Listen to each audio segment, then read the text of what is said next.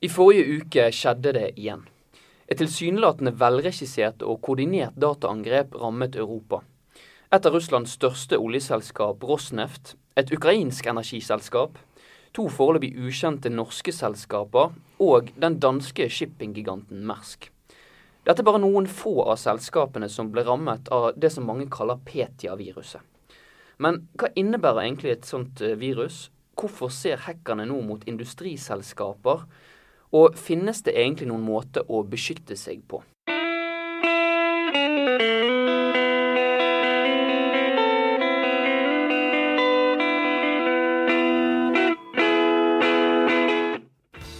Dette er Sysla teknologi. Jeg heter Chris Ronald Hermansen, og i dag har jeg med meg en navnebror. Chris Dale fra Net Security er en av Norges mest kjente sikkerhetseksperter. Mange har sett deg på TV 2-nyhetene etter hvert, der du flere ganger har vært inne for å snakke om nettopp datasikkerhet. Net Security, som eh, Chris jobber i, leverer produkter, løsninger og tjenester som gjør at virksomheter og organisasjoner kan arbeide sikkert på nett, som det står så fint på nettsiden deres. Chris. I, I, pressen så blir du ofte kalt for en snill hacker. Og nå stikker du innom oss for å spille inn denne podkasten rett før du skal ta en sertifiseringseksamen yes. i, i, noe som jeg tipper blir litt for uh, komplisert å gå i dybden på her. Men uansett, takk for at du er med oss. Jo, Bergli. Altså mobilapplikasjoner, det er det jeg skal ta hackingeksamen okay, i. Det høres ikke så veldig Nei. komplisert ut, egentlig. Men jeg tok en sjanse på at det var Jeg har sett. Jeg har tillit ja, til publikum.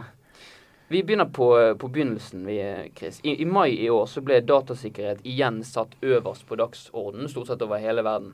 Navnet WannaCry ble kjent for de fleste som klikket på en hvilken som helst nettavis. Her i Norge så var det stort sett bare fotballklubber av en eller annen grunn eh, som ble rammet, i form av at billettsalget til 16. mai-runden av Tippeligaen det, det, det ble litt trøblete. Men på verdensbasis så har jeg lest at man anslår at 230 000 maskiner i 150 forskjellige land ble rammet. Og så kom 27.6 et nytt angrep, Petia-viruset. Rekkevidden av det er ennå ikke helt kartlagt, men at det var omfattende, det er det ingen tvil om. Og, og det vi vet, er at både WannaCry og Petia var et sånt ransomware-angrep. Og hva er det for noe? Chris?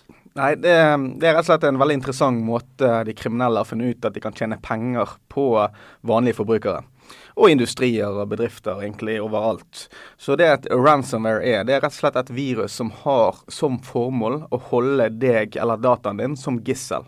Vil si at de ønsker å ta noe verdi ut av deg som de ikke vil gi tilbake igjen før de har betalt pengene de ønsker. Og den verdien, det kan være datafiler f.eks.? Det er det som er mest typisk. Det er rett og slett at de tar filene dine, krypterer de, dvs. Si at de låser de ned med et passord som kun de har. Og så for at du skal få passordet for å låse opp filene, så må du rett og slett betale. Dette har vist seg til å være den mest enkle og forutsigbare måten kriminelle kan tjene penger på oss i dag. Ja, for uh, jeg leste et intervju med han uh, CEO-en i McAfee. Uh, mange av lytterne kjenner sikkert det som virusprogrammet som popper opp på nesten alle Windows-maskiner i, i, verden. Og han sa at det virker som at ransomware på en måte er det heteste for hackerne nå. Hva, hva som gjør at det er så populært i hermetegn? Det er, det er veldig interessant eh, spørsmål. fordi at eh, Det som gjør det populært, det er at en angriper, for å tjene penger på deg, så trenger han kun å få installert viruset, og så er jobben gjort. For da er skaden gjort. Da er det opp til den som har fått viruset, å kontakte den kriminelle tilbake igjen, og så si det at 'jeg har lyst til å betale deg penger, kjære kriminell'. Mens før ransomware, før vi hadde sånne type virus, så var det en motsatt problemstilling. Da måtte en kriminell infisere virusene til bedrifter. Og så måtte det samtidig den kriminelle ha en infrastruktur på internett som var klar til å prosessere henvendelser og, og liksom prosessere kredittkort og, og, sikre det at de fikk noe gevinst fra de som ble hacka eller de som ble infisert. Så det er blitt lettere for kriminelle, da? Ja, det er, det er rett og slett spillet snudd helt opp ned. fordi at nå trenger egentlig bare den kriminelle å kryptere filene dine og sende deg en mail eller sette skrivebordsbakgrunnen din med at hei, du, her er der du skal betale. Og så er egentlig jobben gjort. Da trenger ikke den kriminelle ha en server som skal være på på internett eller tilsvarende. Alt han trenger, er en lommebok og vente på penger. Og så kan den kriminelle da bare gi deg en nøkkel og et program som låser opp filene. Du trenger ikke ta en sånn forelesning i virushistorie, på en måte, men, men når var det vi så dette skiftet, hvor ransomware på en måte ble så enkelt at, at dette kunne skje? Det er vel eh, Jeg tror det er tre-fire år siden det, det begynte. Mer, nei. Så det er relativt ferskt. Og før vi hadde ransomware, der det begynte å trende og bli virkelig en, den go to-måten kriminelle brukte virus, så hadde vi egentlig veldig mye ut av kredittkorttrojanere og, og, tilsvarende. Der PC-en din ble infisert med det eneste formålet å sitte inni nettleseren din til du skulle inn i nettbanken din og betale regninger eller tilsvarende. Og så skulle de da laste inn sitt eget kontonummer istedenfor der du har lyst til å betale pengene. Og så var det sånn de prøvde å tjene penger. Det var mye mer uforutsigbart. Og se for deg alle bankene i verden som, som, gjør ting på sin egen måte. og Det krevde mye endringer og tilpassing av kode, programkode, for de kriminelle. Mens nå, de trenger bare kryptere. Det er jo kjempeenkelt. Jeg satte opp et program for å kryptere filer. Jeg, jeg lagde min egen ransomware på 30 minutter. Med det formålet å demonstrere hvordan antivirusselskaper ikke klarer nødvendigvis å stoppe krypteringen alltid, osv. Så, så med det formålet å teste sikkerhet, så lagde jeg mitt eget virus. Og Det tok 30 minutter, fordi koden er enkel. Men er det, er det noen begrensninger da på hvor mange du kan sende det ut til? For ikke det er en faktor også? Det er, jo, det er jo ingen problem å sende dette ut til så mange du bare vil. Fordi at du trenger ingen infrastruktur, du trenger ingen båndbredde eller prosesseringskraft eller lagringsplass. Du som kriminell trenger bare spre det glade budskapet om at her, kjære brukere, her har dere en fil som, som, som lover f.eks. gull og grønne skoger. Og idet du trykker på den filen, så blir du infisert. Og det blir sendt via mail, typisk? eller? Det er typisk mail det har kommet på. Men det som har skjedd nå, det er et, veldig viktig skifte i bransjen. De kriminelle har nå begynt å utnytte sårbarheter i programvare for å klare å spre viruset uten at du trenger brukere som dobbeltklikker på ting. Oi. Og det er det som er det store med, det var det som var det store med WannaCry. Vi har sett dette skjedd lenge, lenge, lenge. Helt siden 2001 så har vi sett det at virus det bruker sårbarheter for å spre seg. Men med ransomware så har vi ennå ikke sett det før WannaCry kom. Ja, for da kan man komme seg ut til deler av en virksomhet f.eks., selv om ikke alle har klikket på e-postlenken. Nettopp. Så man trenger egentlig bare infisere én PC, og så starter den da en kjedereaksjon ut av andre som blir automatisk infisert. Bare ved å være på det samme nettverket som den første som ble infisert. Og det, det, sant, Da har du en angrepsflate som er mye større for de kriminelle. Det er mye mye mer potensial. Vi kaller dette for en, en worm, en, rett og slett en orm som sprer seg. Så den klarer bare å klatre gjennom forskjellige tunneler i nettverkene og infisere kun ved hjelp av å misbruke sårbarheter i software. Det høres ut som et passende bilde på, på det. om altså. Ja. Men, men, samtidig så er det noe jeg sliter litt med å, å forstå. For jeg har jo etter hvert lest så ufattelig mange artikler med eksperter, sånne som deg, som sier at det etter all sannsynlighet ikke alltid hjelper å betale heller. Så jeg skjønner ikke helt eh, Hvorfor skulle noen bruke så mye tid og krefter på å angripe så mange selskaper for å så kreve løsepenger. Og, og, det jeg har sett, er at de krevde 300 dollar. Eh, er det det de er ute etter? 300 dollar? Det, det, typisk har de vært ute etter penger, ja. Uh, for vanlige forbrukere så har det vært små penger de har vært interessert i. Fordi at de klarer å infisere såpass mange at mange elver små blir en stor å. Det har blitt rett og slett mye penger for dem ved å bare gi et akseptabelt beløp til vanlige forbrukere. Og typisk så har man fått filene når man har betalt. Og mitt selskap, personlig så har jeg måttet betale tre ganger så langt til kriminelle. Helt opp til 20 000 kroner har jeg måttet betale. Fordi at det sitter da en bedrift med en pistol mot tinningen som kan gå konkurs. Ingen av IT-systemene fungerer. Alt er låst ned. Det koster deg 20 000 å gamble med en terrorist, med en kriminell, om får du nøkkel eller får du ikke nøkkel. Men så viser det seg til at disse kriminelle hadde jo fullt supportsenter og hele pakken. Du fikk jo snakke med en person i andre enden som hjalp deg å dekryptere filene.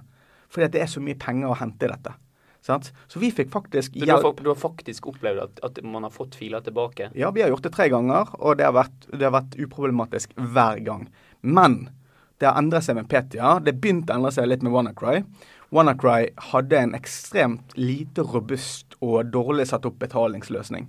Det tydet på lite eleganse og lite gjennomtenkt eh, eh, virus, egentlig, fra det vi har sett tidligere. Det var ikke en god måte å forvente betalinger på, som WannaCry gjorde. Kan, kan, du bare si kort før du går videre, eh, hvordan er det denne Er det en eh, nettkonto eller en bankkonto som man skal sette penger inn på, eller hvordan fungerer det? Det er en bankkonto, men det er form av bitcoins. Riktig. Så du er nødt til å veksle inn norske kroner inn til bitcoins, og så må du overføre bitcoins til en adresse. Så se for deg en, en nettstedsadresse, sånn som vg.no, eller hva det skal være. sant?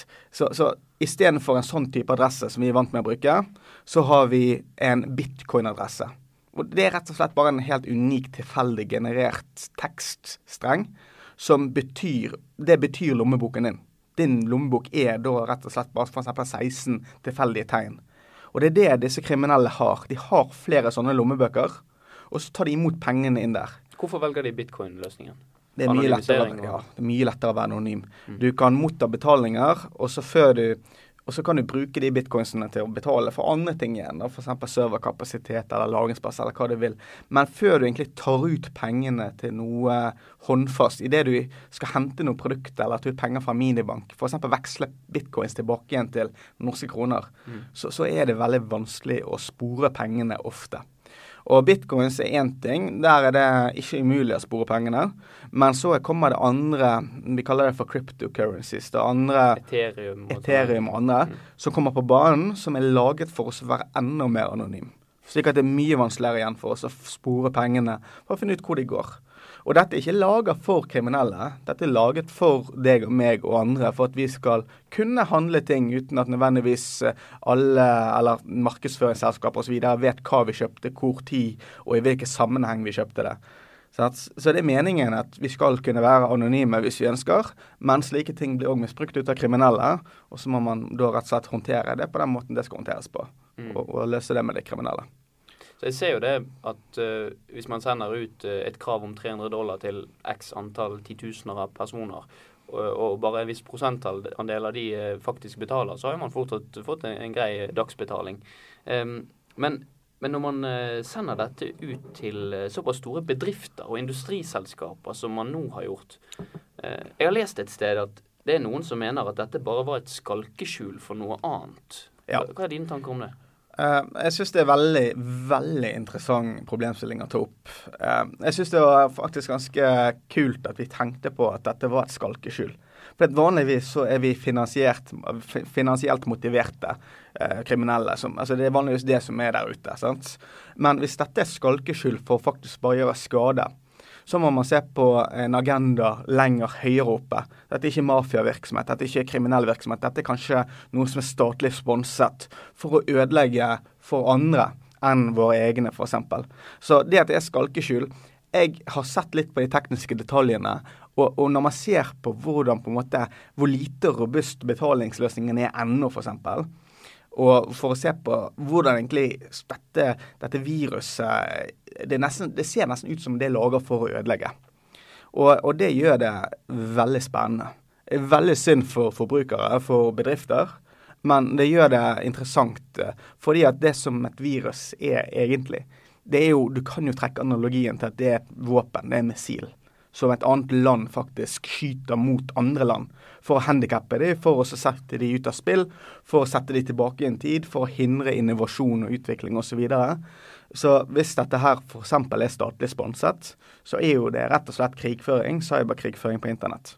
Ja, og Det er jo viktig å si at vi har på en måte ikke noe, noe fasit ennå. og Det er jo ikke sikkert at vi noen gang får det. Men uh, angående det du sa med betalingsløsningen, så uh, jeg leste et sted at uh, et eksempel da på, på, at dette var dårlig satt opp, eller lite elegant, som du sa, var nettopp det at, eh, at man fikk opp en beskjed om at hvis man trengte hjelp til å gjennomføre transaksjonen, så skulle man sende en mail til denne adressen. Og, og den mailadressen ble jo tatt ned like etterpå, fordi at, at da var det leverandøren av, av serveren som den fantes på, som bare yes. sa at dette vil ikke vi være en del av. Og da var det på en måte ingen måte å kontakte de som man skulle angivelig betale til. Og Det høres jo ut som en sånn barnehagefeil. Det er barnehagefeil. Du kan ikke gjøre sånne feil hvis du er en senior kriminell innenfor cybersikkerhet. Du hadde aldri gjort en sånn feil. For at du vet det at e-postkontoen din blir stengt med en gang noen rapporterer det, eller flere rapporterer e-postkontoene som, som det blir brukt til misbruk da blir de stengt. Om det er Gmail, Hotmail eller hva som helst annet, så pleier disse leverandørene av e-postkontoer å ha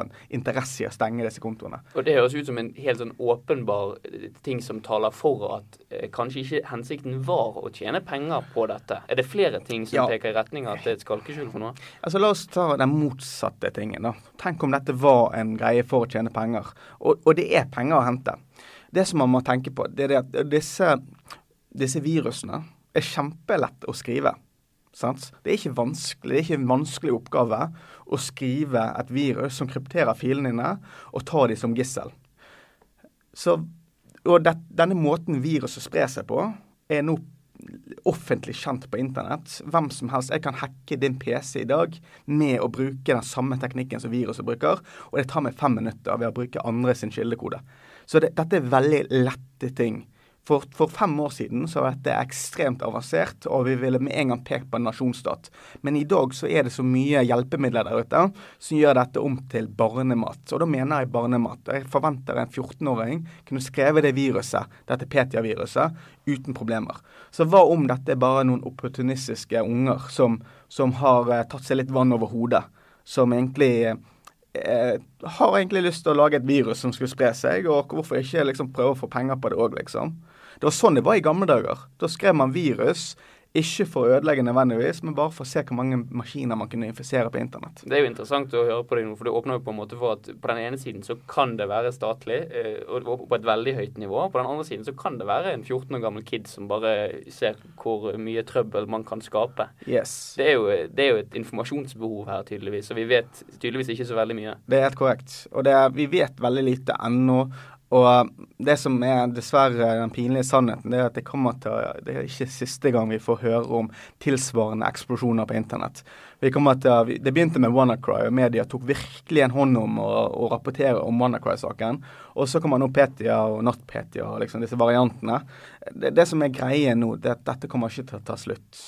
Det kommer til også være nye virus som kommer til å komme i andre fasonger, med nye navn, med en annen agenda eller tilsvarende agenda, eller rett og slett bare for å tjene maksimalt mulig penger.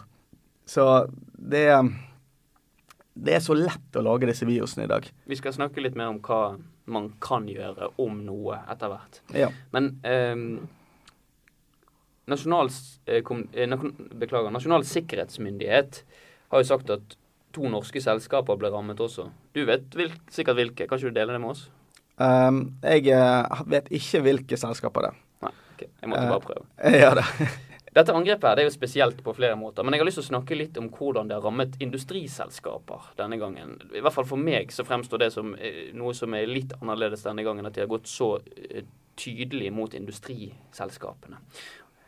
Det danske shippingselskapet Mersk er et av de mest digitaliserte shippingselskapene i verden. De jobber for tiden med en blockchain-basert teknologi sammen med IBM. Eh, Dette har vi omtalt i en tidligere eh, utgave av Sysla teknologi.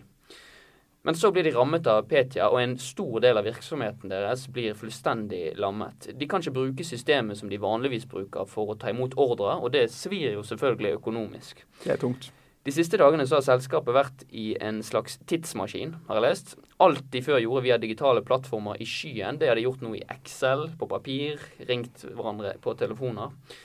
Og jeg leste at en havn som et Mersk-skip la til kai ved, mottok informasjon om lasten via en privat gmail-adresse. For det var på en måte det beste de kunne komme opp med nå. Ligner eh, Petia-viruset og eh, de konsekvensene det har fått for industriselskaper på noe vi har sett før? Ja, vi har sett tilsvarende virus flere ganger før. Det er spesielt eh, eksponert borte i USA, der eh, store bedrifter har blitt utsatt for, eh, for eh, det som antas å være industrispionasjevirus. Så det er rett og slett eh, virus som er skreddersydd for oss å stjele dokumenter, sånn som Powerpoint, Excel, Word-dokumenter. Dokumenter som kan ha en verdi, og, og det er ikke noe kryptering av filer i det hele tatt. Objektivet til disse virusene vi har sett tidligere, har vært utelukkende å gjemme seg og stjele filer samtidig. Altså målet med Ja, målet til viruset har vært det. Rett og slett. Og det er rett og slett for oss å prøve å få tak i bedriftshemmeligheter. Og det har vi sett store selskaper uh, bli truffet med mange ganger. Og jeg hadde forventa det at uh, f.eks. Mersk skulle bli utsatt for noe sånt. Det hadde vært akkurat riktig i forhold til slik bransjen har vært. Men det at, uh, at dette ransomware plutselig skal målretta gå, gå, ut mot sånne industrier, det er litt sånn rart. Uh, spesielt når betalings, uh, betalingen er 300 dollar. Det er det jeg også skurrer litt for meg, selv om jeg ikke er ekspert på dette. Så syns jeg det høres litt rart ut. Ja, og det er rart. Eh, fordi at eh, vanligvis det man har sett tidligere, er at når du får en bedrift som blir infisert av ransomware, så prøver ransomware å kalkulere ut hvor mye, hvor mye betalingsevne denne bedriften har. Mm. Sånn, slik at for en bedrift som har på en måte Å ja, du har 15 terabyte med data. Du, du har masse, masse data, med andre ord.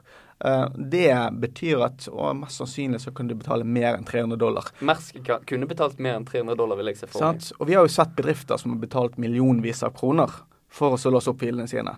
De har faktisk eh, eh pistolen mot tinningen, for å ta den analogien. Det, det er gjerne risiko for tap av liv eller, eller helse. Mm. Da begynner ting å bli veldig, veldig alvorlig. Og det har vi sett eksempler på tidligere. Mange bedrifter blir truffet, store bedrifter. Og um, det er bare litt annerledes denne gangen. Mm. Og um, jeg har tidligere intervjuet uh, en som jobber i et selskap som heter Crowdstrike. Et sikkerhetsselskap som uh, jeg har inntrykk av ganske godt renommé innenfor din uh, bransje. Og han sier at industriselskaper som nå går gjennom en sånn enorm digitaliseringsprosess som skjer både i shipping, i olje og gass, overalt egentlig, de må også forvente en større trussel fra digitale kriminelle hackere. Ja. Er, det, er, du enig i det? Absolutt. Det, altså, vi, har en, vi, har en, stor utfordring i dagens industrinettverk. Fordi at ja, For det første skal vi digitaliseres mer. Dvs. Si vi, vi tilfører flere bokser, flere komponenter, som øker angrepsflaten. Men det er nå én ting. Disse boksene gjør òg at nettverk blir kobla sammen. Og du har gjerne industrikontrollsystemer eller prosessnettverk eller nettverk som egentlig tidligere har kun vært du har kun kunnet nådd de gjennom at faktisk en mann i kjeledress har gått bort på tastaturet på PC-en og gjort jobben sin. Disse PC-ene blir nå plutselig koblet i nettverk med resten av bedriften. Fordi at du skal gjerne gjøre oppdateringer, eller du skal, du skal ha kontroll på de IT-systemene dine. sant? Men ved å plugge den nettverksledningen til disse systemene, som har stått så lenge i alle bauger og skrått i bedriftene våre, og støvet ned nærmest, så, så, tilfører man plutselig en Eller man tillater plutselig en at virus kan spre seg over disse kanalene. Og jeg antar det er noe slik som har skjedd med Mersk. De har hatt um, De har sikkert en god IT-infrastruktur sånn på, på, generell basis, men som veldig mange andre så har de en legacy. De har en gammel eh, klump av IT som ikke blir vedlikeholdt like godt som resten av bedriften. Og det er akkurat det disse virusene her baserer seg på. De ønsker å spre seg gjennom systemer som ikke blir oppdatert. Gjerne gamle servere fra 2003 og oppover, som de ønsker å misbruke for å spre seg. Og alt det krever for dette viruset å spre seg til disse maskinene, er da én PC som står i nettverk med det.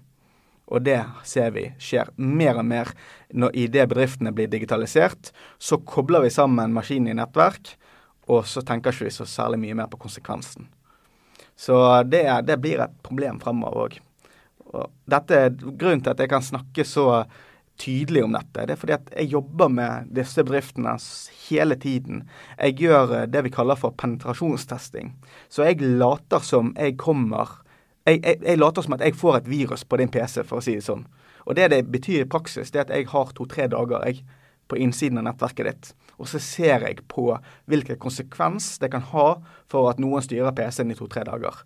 Og jeg trenger ikke hacke da for å kompromittere hele bedriften. For å få herre, fullt herredømme på, på, dette nettverket, så trenger jeg vanligvis bare med å gjøre enkle teknikker for å finne fram til konfidensiell data, for å finne fram til brukernavn og passord med mer, som gjør at jeg kan spre meg overalt i nettverket. Dere i Net Security har jo selvfølgelig en uh, egeninteresse i å, å, nå ut til uh, selskaper som er opptatt av dette. Men la meg spørre deg om Opplever dere at det er en økende rekke forespørsler fra selskaper av denne typen nå?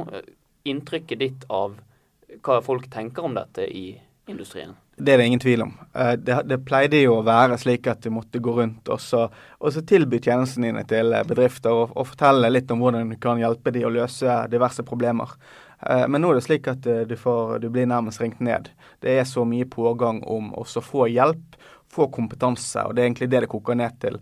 Få noen som kan veilede, gjerne en IT-driftsavdeling eller sikkerhetsavdeling osv., i hvordan tilføre god sikkerhet. Og det er ikke alltid en, det er ny boks du trenger for å løse noen problemer. Vi har jo en tendens til å glorifisere disse boksene våre litt. Og ja, det er bare en ny boks som skal løse noe nytt. Vi må tenke på at disse tingene skal vedlikeholdes osv.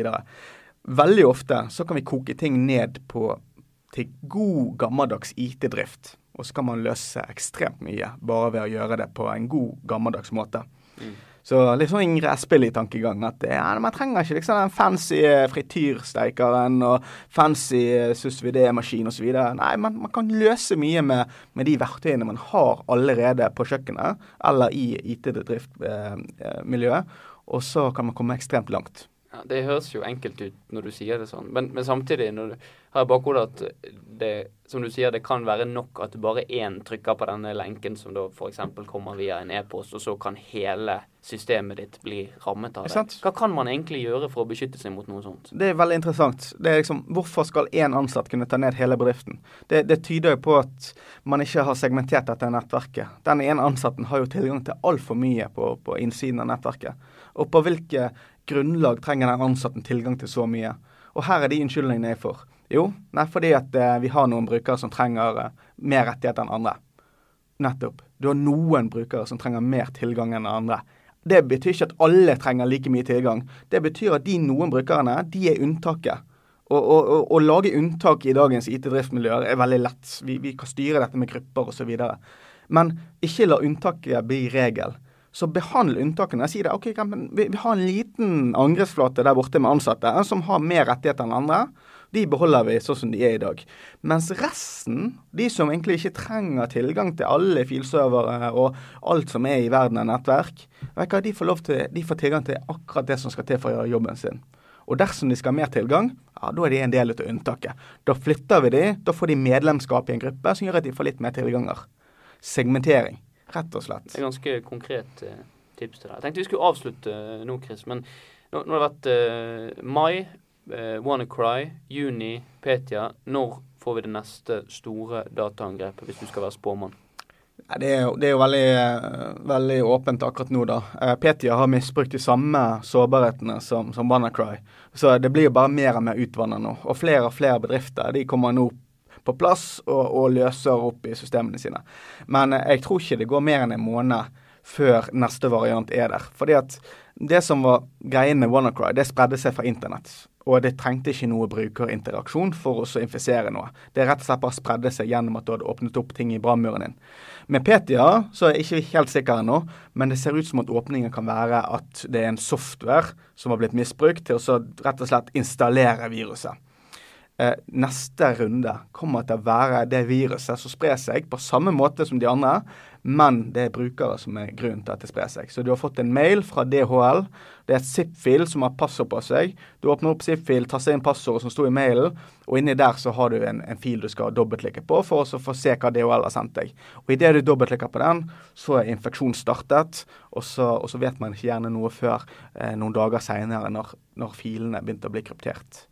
I noen tilfeller ser man det på sekundene, men det er ikke angriperen interessert i. vet du. Han ønsker også å ligge lavt, infisere stille og rolig til han har gjort mest mulig skade, og så kan han komme brølende ut av skapet og si jeg skal ha masse betaling.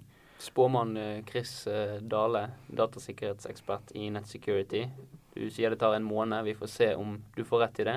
Tusen takk for at du var med oss i hvert fall. Takk for meg. Ha det. Det du har hørt nå, ble først publisert i Sysla teknologi. Podkasten der vi prøver å forklare hva som skjer når teknologien endrer næringslivet. Vil du høre mer om dette, abonner gjerne på Sysla teknologi i den podkastspilleren du foretrekker. Har du tips eller meninger om denne episoden, du når meg på ronald1sysla.no. Ha en fin dag.